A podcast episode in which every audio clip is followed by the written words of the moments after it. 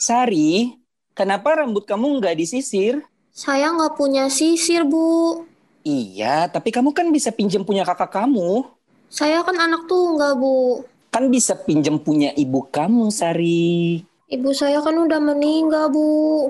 Ya udah kalau gitu pinjam punya bapak kamu deh. Tapi, Bu, Kenapa lagi, Sari? hmm, bapak saya kan gundul. Ladies and gentlemen, here it is. The most listened to radio show on the planet. Even the other stations are tuned in too. Wiba Podcast Wiba, waktu Indonesia bagian asuransi.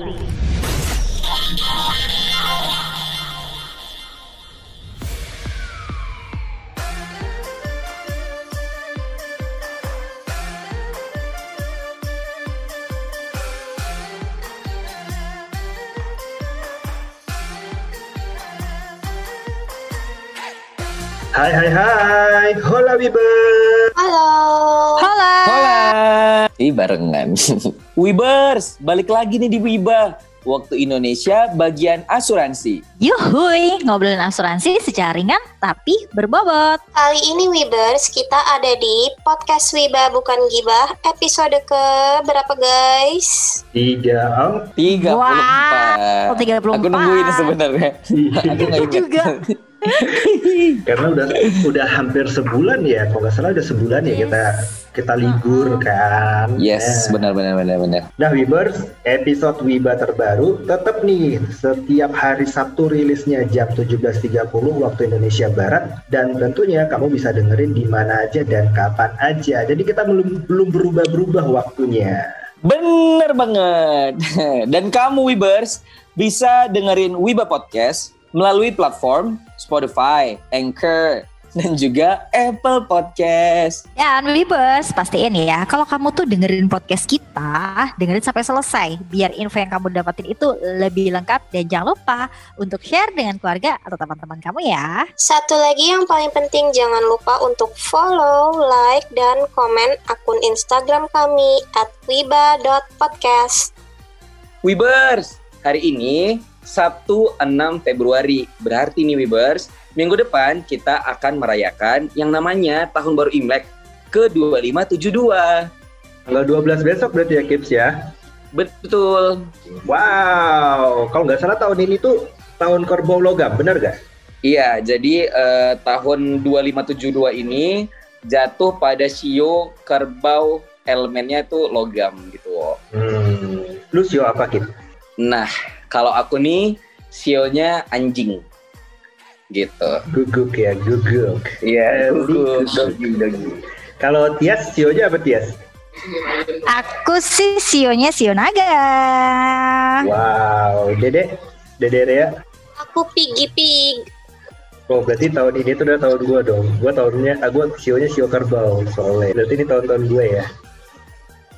Iya, ini tahunnya orang-orang kerbau ya. Kalau sio, lu Kip tadi kan anjing ya. Sio anjing itu kayak gimana sih? Nah, kalau Shio anjing itu eh, sifat-sifat baiknya secara umum adalah setia, aku banget, ya kan? Terus eh, bersahabat, aku banget, ya kan ya. Terus eh, selain setia dan bersahabat, dia juga punya sisi buruknya. Ya jadi Sio anjing itu keras kepala, masih aku banget juga. Dan juga Sio anjing ini biasanya sulit untuk mengungkapkan perasaannya, which is true gitu. Kalau Mbak Tias gimana tuh, Sio naga? Oke, kalau Sio Naga secara umum kan ya kita bisa mm, mengibaratkan dari eh, hewan naga itu kan hewan yang gede gitu kan. Hewannya itu kan kayak berani, dia menjinakkan gitu kan. Ya bisa dari situ sih. Jadi kayak gue baca-baca tuh eh, rata-rata orang Sio Naga itu orang yang suka dengan tantangan, suka mengambil risiko, orang yang percaya diri, pemberani, lebih ke situ sih. Jadi kayak ya sa- hampir sama seperti sosok hewan naga itu sendiri. Gitu deh. Kalau Rea tadi ya Pak Piggy ya. Iya, aku Piggy Pig. Katanya sih sifatnya itu penyayang, rajin, murah hati. Aku sih nggak percaya, aku nggak merasa soalnya. Terus juga sifat-sifat buruknya seperti agak pesimis dan agak naif. Itu Oke, benar. kalau itu aku percaya. Aku setuju. Kalau gue kan kerbau ya, gak ada yang mau nanya ke gue gitu. Kalau kerbau gimana gitu? Atau gue harus ngomong sendiri gitu ya? ya udah, ayo gimana gimana ceritain wo.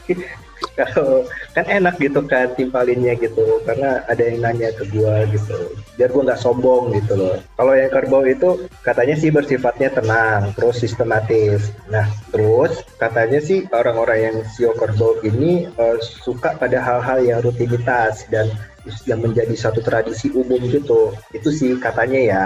Apa? Ya, hmm, tenang katanya gitu, sabar, terus dia orangnya berani. Itu sih, gue sukanya yang positif-positif aja. Kalau yang negatif gue hilangkan aja. Nah, katanya nih ke setiap Imlek itu kan pasti ada peruntungan-peruntungannya gitu kan. Nah, kira-kira di tahun uh, kerbau logam ini peruntungannya kayak gimana sih untuk sio-sio ini? Mungkin langsung aja ke uh, Kipli kali ya. Kipli yang lebih paham mengenai peruntungan-peruntungan Yes, pas banget nih Wibers karena di depan aku sekarang udah ada bola ramal. Tau kan ya yang ada listrik-listriknya itu. Nah, aku udah ngeliat nih, aku udah ngebaca di tahun kerbau logam ini akan menjadi tahun keberuntungan ya dan juga menjadi tahun yang sempurna untuk urusan asmara, cinta, waduh dan juga hubungan baik persahabatan maupun anggota keluarga.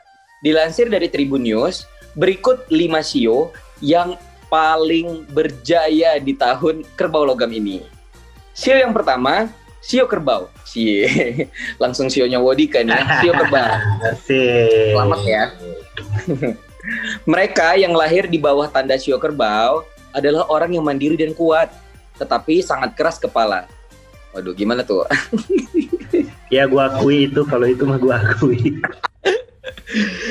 Sepanjang tahun 2021, beberapa masalah mungkin terjadi, tetapi kesuksesan dan keberuntungan siap hadir bagi mereka yang fleksibel dan siap untuk menghadapi berbagai macam kemungkinan. Amin. Semoga Wibers ya yang sionya kerbau kayak Wodika mendapatkan kesuksesan dan keberuntungan.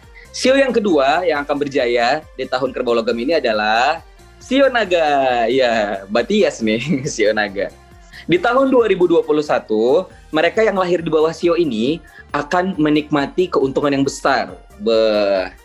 Amin. Amin, amin, amin, amin. Amin. Gue paling gede loh aminnya nih.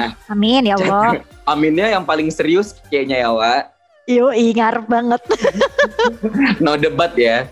Tapi nih, ya Mbak Tias dan Wibers yang punya Sio Naga, ada catatannya nih. Harus selalu mampu memanfaatkan peluang yang ada. Ya, dan perlu berhati-hati dengan arus negatif ya.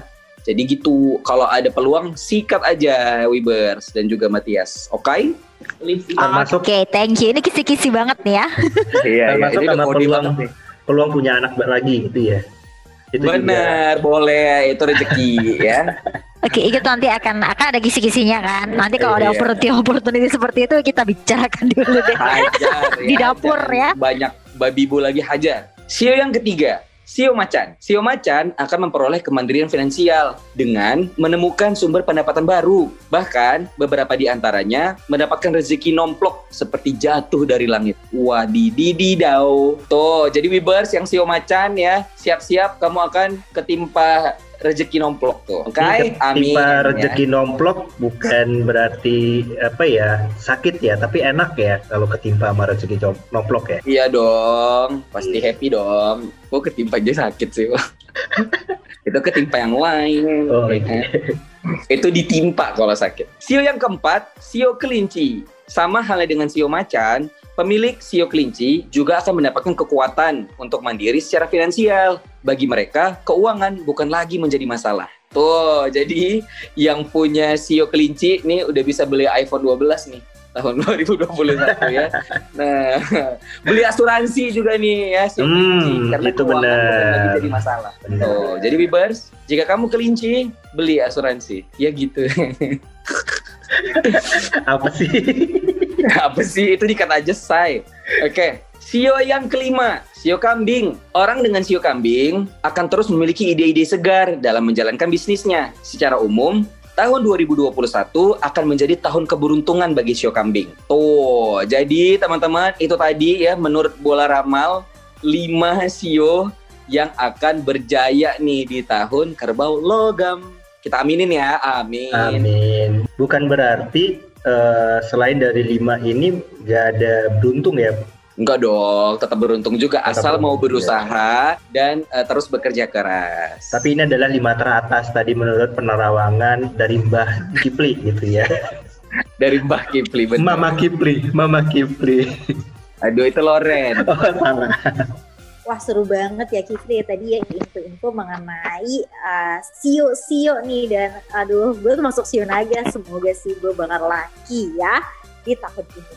Tapi kita nggak hanya sekedar bacain mengenai uh, sio-sio aja nih Wibers, kita juga kedatangan Wibalogis hari ini dan kita kedatangan yang namanya Haris Kristanto. Yeay. Hai Mas. Yeay. Hai, Oh. Mas panggil Panggil Mas nih. Kuku. Hai, Oh. Ku. Hola Wibers, hai, Hai semua. Ko. Hai, Hola. gimana Tias? Hai, ini aku manggilnya Koko aja nggak apa-apa ya, Koko Haris ya manggilnya ya. boleh. Boleh. Kok nanti kita mau nanya-nanya nih seputar Imlek kan. Nah, tapi kita mau tahu mau tahu dulu nih, eh, Koko Haris nih keseharian kesibukannya ngapain kok kalau boleh tahu? Oke, eh, Mbak Tias, eh, kebetulan nih kalau saya sendiri nih, saya ini pengusaha ya di Kota Medan. Saya itu usaha kerupuk ikan, jadi keseharian saya itu lebih banyak sih di pabrik, ngurusin-ngurusin anggota lah. Wah, seru banget Oh. ya. Jadi bisnisnya bisnis kerupuk ya? Iya benar kerupuk. Jadi kita nih kerupuk Palembang Mm-mm. ya. Jadi bentuk kerupuknya itu dari Oh. Palembang. Kebetulan papa saya itu kan orang Palembang. Jadi dia itu merintis Hmm. ke Medan itu dia buat namanya pabrik kerupuk. Dan pabrik kerupuk itu sudah berdiri dari tahun 80-an. Jadi udah termasuk legend lah di kota Medan. Oh gitu. Kerupuk yang bulat-bulat Hmm. gitu nggak sih kalau kerupuk ikan itu? Salah satunya ada. Betul, salah satunya ada bulat-bulat itu salah satu Iya iya kita. iya iya. Terus juga ada yang Ah. kayak bentuk kerupuk kayak mie gitu, yang bentuk-bentuk kayak mie itu itu juga ada. Nah jadi Hmm, benar-benar kita ambil dari Palembang ya. Jadi ikannya dari Palembang, kita bawa ke Medan. Jadi kita benar-benar olah karena kita mau jaga rasa. Karena rasa itu sangat mempengaruhi Wow. sih sebenarnya dalam bisnis kita. Betul sekali ya rasa. Nih kayaknya enak banget nih kerupuk dari Koko Haris nih. Teman-teman Wibers yang ada di Medan langsung ya order bisa tuh langsung ke Koko Haris ya kok ya. Boleh, boleh. Boleh ya. Nanti kita juga boleh dikirimin juga ya. Open lah untuk kita kita semua ya. Bisa, kan? bisa. Biar nanti kita buka di Padang, kita bisa buka cabang di Jakarta. Nanti kita atur lah ya. Ada Instagramnya kan ya, Ko ya? Amin. Nah, Ada kalau Instagram ya? Instagram sih kebetulan pakai Instagram pribadi ya. Jadi Oh, belum Instagram ada yang benar-benar untuk iya, iya. Oh, kirain kalau Oke. ada gitu atau di Nanti pasti Shopee di- ada kan? Langsung Akan ekspansi nanti nih. Mantap. Amin. Amin. Nah, kok mau nanya-nanya dong tentang perayaan Imlek kan kita juga uh, minggu depan juga sudah merayakan ya perayaan Imlek bagi yang merayakan. Kalau boleh tahu nih kok perayaan Imlek uh, untuk tahun ini kayak gimana? Pasti kan ada ber- agak berbeda ya dengan tahun-tahun sebelumnya. Boleh sharing kok? Oke, kalau kita bilang sih untuk Imlek dari tahun ke tahun sebenarnya tradisinya sebenarnya mirip, nggak ada beda. Cuma memang benar ya, karena era COVID ini jadi semuanya itu serba hati-hati saya bilang ya. Nah, kalau untuk persiapan Imlek sendiri yang pertama satu, eh, biasanya kalau kita Chinese, kita itu selalu beli namanya baju baru. Karena baju baru itu melambangkan namanya hoki baru. Nah, jadi itu biasa kita beli itu kan biasa ke mall tuh, ke mall fitting baju atau gimana, tapi sekarang udah nggak bisa karena kan era covid jadi kita ordernya semua via online terus juga selain baju baru kita di Chinese itu sangat percaya bahwa untuk menyambut tahun baru kita harus lakukan namanya potong rambut gunting rambut nah kebetulan saya sendiri sih belum sempat gunting rambut nah biasanya maybe H-5 H-4 saya baru gunting dan jujur itu harganya itu akan naik drastis di salon-salon ataupun di toko pangkas karena memang Imlek itu adalah momen di mana para tukang salon juga mendapatkan rezeki yang lebih kalau saya bisa bilang. Nah jadi itu salah satu yang kita Hmm. lakuin. Nah terus selain gunting rambut, Hmm. selain baju baru, kita juga nyiapin yang namanya makanan ya. Karena kan tetap tamu ya kita nggak bisa prediksi tamu datang atau tidak. Tapi intinya sih tetap harus ada makanan. Nah biasa itu makanannya kayak permen, kita juga ada kue-kue. Nah biasa kalau kue kita kan standarnya kalau dari tahun ke tahun tuh kita pasti akan order tuh sama temen yang buat kue nastar, kue itu apa namanya? Ya kayak yang warna putih-putih itu apa? Yang manis. Putri kue salju. ah putri salju betul. Nah itu Mm-mm. salah satu kue yang memang wajib lah di ada di pas imlek. Cuma di tahun ini kayaknya kami skip. Kenapa Karena kan satu, ketika kita buka toples seperti itu, tangan kita masuk ngambil, ya kita nggak pernah tahu kan tamu kita ada OTG atau seperti apa. Jadi lebih aman sih kita beli itu makanannya memang dibungkus.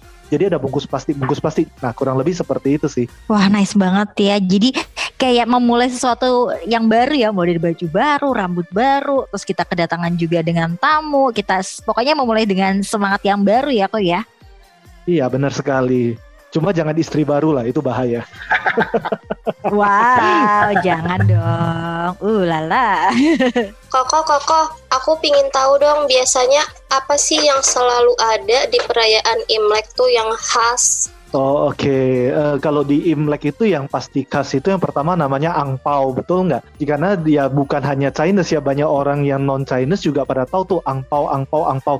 Cuma mungkin beberapa dari kita harus ngerti dulu ya, eh, sebenarnya angpau itu tidak bisa kita sembarangan berikan kepada orang. Nah sementara banyak orang langsung meminta-minta kan, "Eh, Riz ini sudah mau Imlek, mana angpau saya kan kurang lebih seperti itu. Nah jadi makna angpau itu apa sih? Kan angpau itu kan identik dengan namanya warna merah ya. Nah, merah itu kan melambang namanya hoki. Nah, jadi ketika kita memberikan angpau, kita itu namanya memberikan rejeki.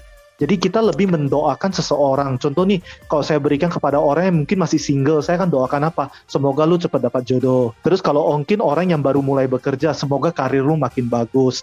Kalau kita berikan ke orang yang lebih senior, orang tua kita, kita pasti akan doakan sehat selalu.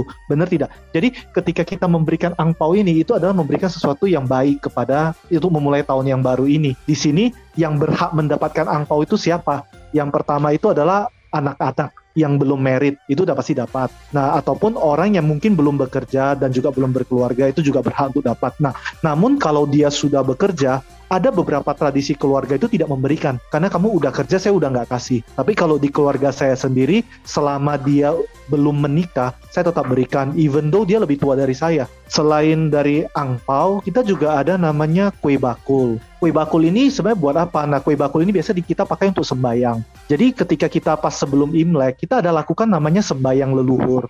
Nah, salah satu yang dipakai itu adalah kue bakul juga. Nah, jadi kue bakul ini sangat favorit ya, bahkan ada yang digoreng untuk dimakan. Nah, sebenarnya makna kue bakul buat apa sih? Kue bakul itu adalah untuk melambangkan namanya persaudaraan yang ketat. Nah, kalau bahasa Hokkien-nya sih tikwe. Nah, tikwe itu ti itu artinya lengket. Jadi supaya apa persaudaraan kita makin kuat, makin lengket. Jadi dengan memakan itu menandakan bahwa ya kita bisa makin akrab lah dengan orang ini. Selain kue bakul, ada juga buah favorit. Nah, buah favorit yang selalu kita lihat itu namanya buah jeruk. Kenapa orang Chinese memilih jeruk? Karena jeruk itu dianggap sebagai buah keberuntungan. Kenapa? Karena bentuknya kan dia warna kuning tuh, bulat. Dia seperti melambangkan emas. Kalau kita cerita zaman-zaman dulu, pas dinasti dinasti-dinasti Tiongkok-Tiongkok itu, nah mereka itu yang bisa makan jeruk itu nggak sembarangan orang. Orang rakyat jelata nggak bisa makan. Dan itu hanya dinikmati oleh namanya kaum bangsawan ataupun para pejabat. Nah, oleh sebab itu, kenapa di era sekarang ini kita selalu menggunakan jeruk? Apakah dia untuk dimakan ataukah untuk disembayang? Selain jeruk, ada lagi namanya manisan. Manisan-manisan itu sangat ya kalau kita taruh di meja itu bervariasi banget.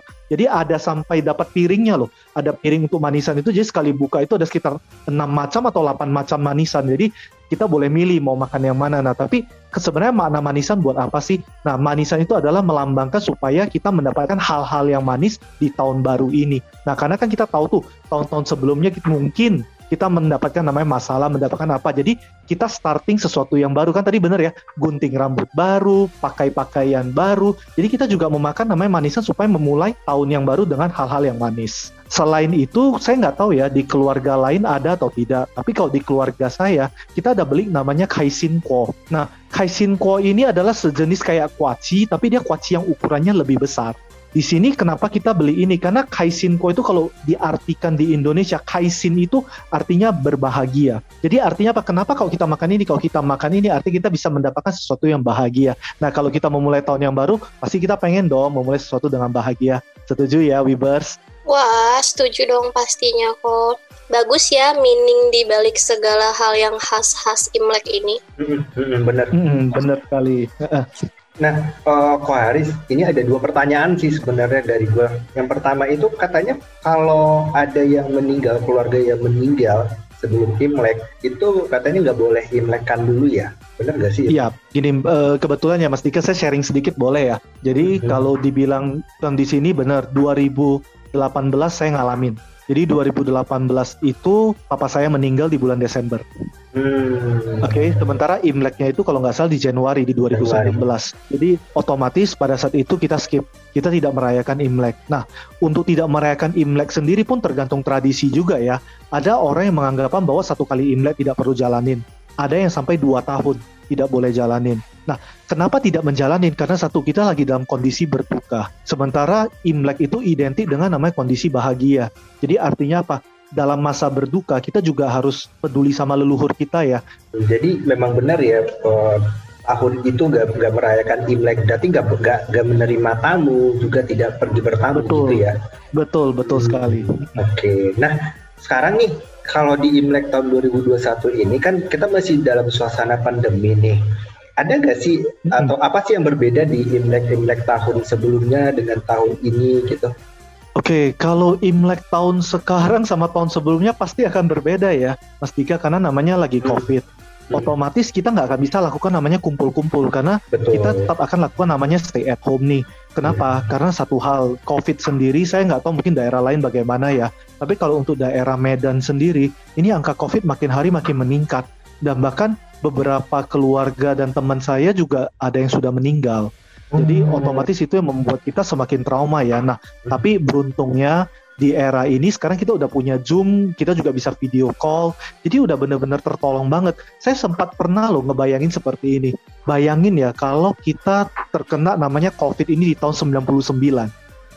Contohnya seperti itu. Itu belum ada Zoom, belum ada Iya.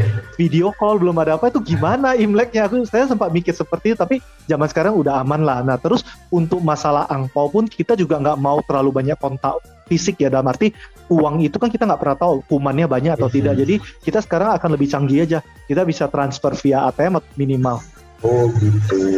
Jadi Iya. lebih ke lebih ke ini ya, apa namanya? Lebih ke virtual gitu ya. Semua segalanya Yes, segala sesuatunya pakai virtual gitu ya. benar. Bayangin Mbak Di- Mas Dika kalau kita hari ini jumpa tiba-tiba ada nih keluarga kita OTG. Hmm, Bisa-bisa tahun depan kita malah nggak jumpa sama semuanya. kita iya. nggak pernah tahu kan jadi lebih bagus apalagi kita punya orang tua di rumah jadi kan Hmm. orang tua itu rentan banget ya bisa kena yang kayak gini jadi lebih bagus kita stay safe aja lah kita cari aman aja Betul betul betul betul betul. Kok boleh dong diceritain pengalaman yang paling Koko ingat yang di momen-momen Imlek tuh apa? Yang paling berkesan. saya bilang ceritanya yang berkesan itu yang pertama itu ketika saya baru merit tuh.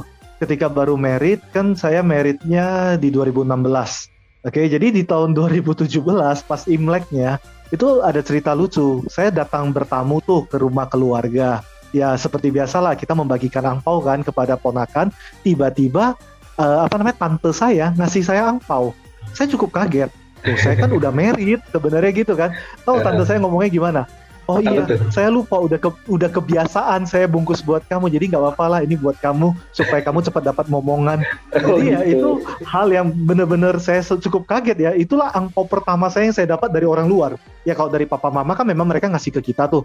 Tapi kalau tiba-tiba ini orang dari luar ngasih kan cukup unik ya.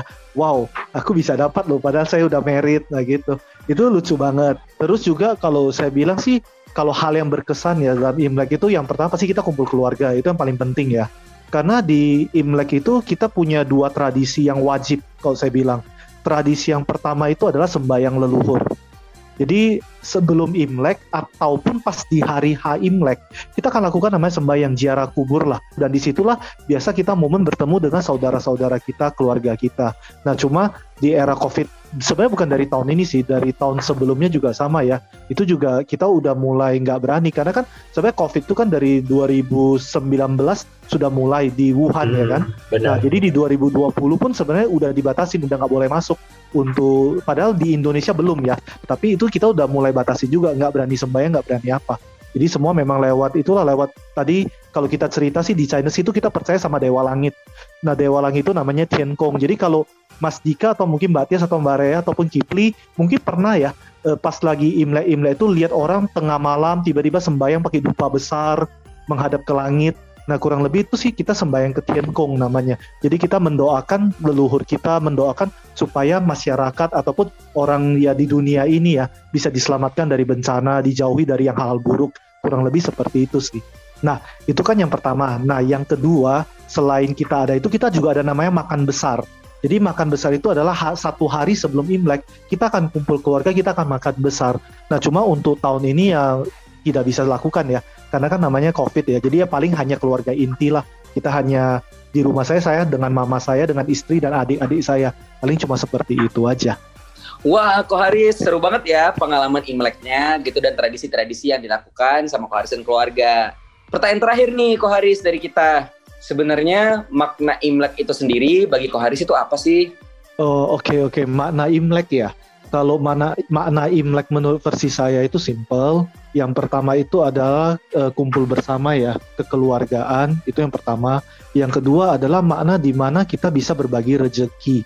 Jadi di mana di tahun baru itu kita dapat rezeki lebih, kita share nih ke orang-orang lain. Nah, jadi Imlek itu sebenarnya benar-benar momen kekeluargaan paling kental dalam Chinese. Keren banget. Kok Haris ini informasinya itu benar-benar detail ya. Terus kita juga dapat informasi dari orang-orang yang sering merayakan juga jadi benar-benar akurat nih detail banget sampai kita tahu nih harus uh, makanannya seperti apa makanannya yang disajikan tuh bagaimana bajunya rambutnya itu sumpah sumber informatif sekali nih Koko Haris thank you aku oke okay yang gue dapat sih kalau gue yang paling ini banget ya di ingatan gue itu adalah uh, tahun baru atau imlek itu harus ada baju baru gitu. Berarti gue ada alasan sama istri gue untuk beli baju baru nanti. kalau aku yang aku paling tangkep dari Koharis tadi adalah yang jomblo harus dikasih angpau, oke? Okay? itu akan kami perjuangkan. Oke deh kalau gitu thanks ya Ko Harris ya udah okay, udah mau sharing-sharing sama kita di sini di Wiba Podcast. Uh, kapan-kapan kalau kita mau ngajak untuk sharing lagi boleh kan ya? Boleh, boleh, aman. Oke, okay, thank you ya. See you, sukses See ya. Bye bye. Yeah. Wibers, kami dari tim Wiba Podcast mau mengucapkan Shinin Kuai Le, Gong Xi Chai! Thank you for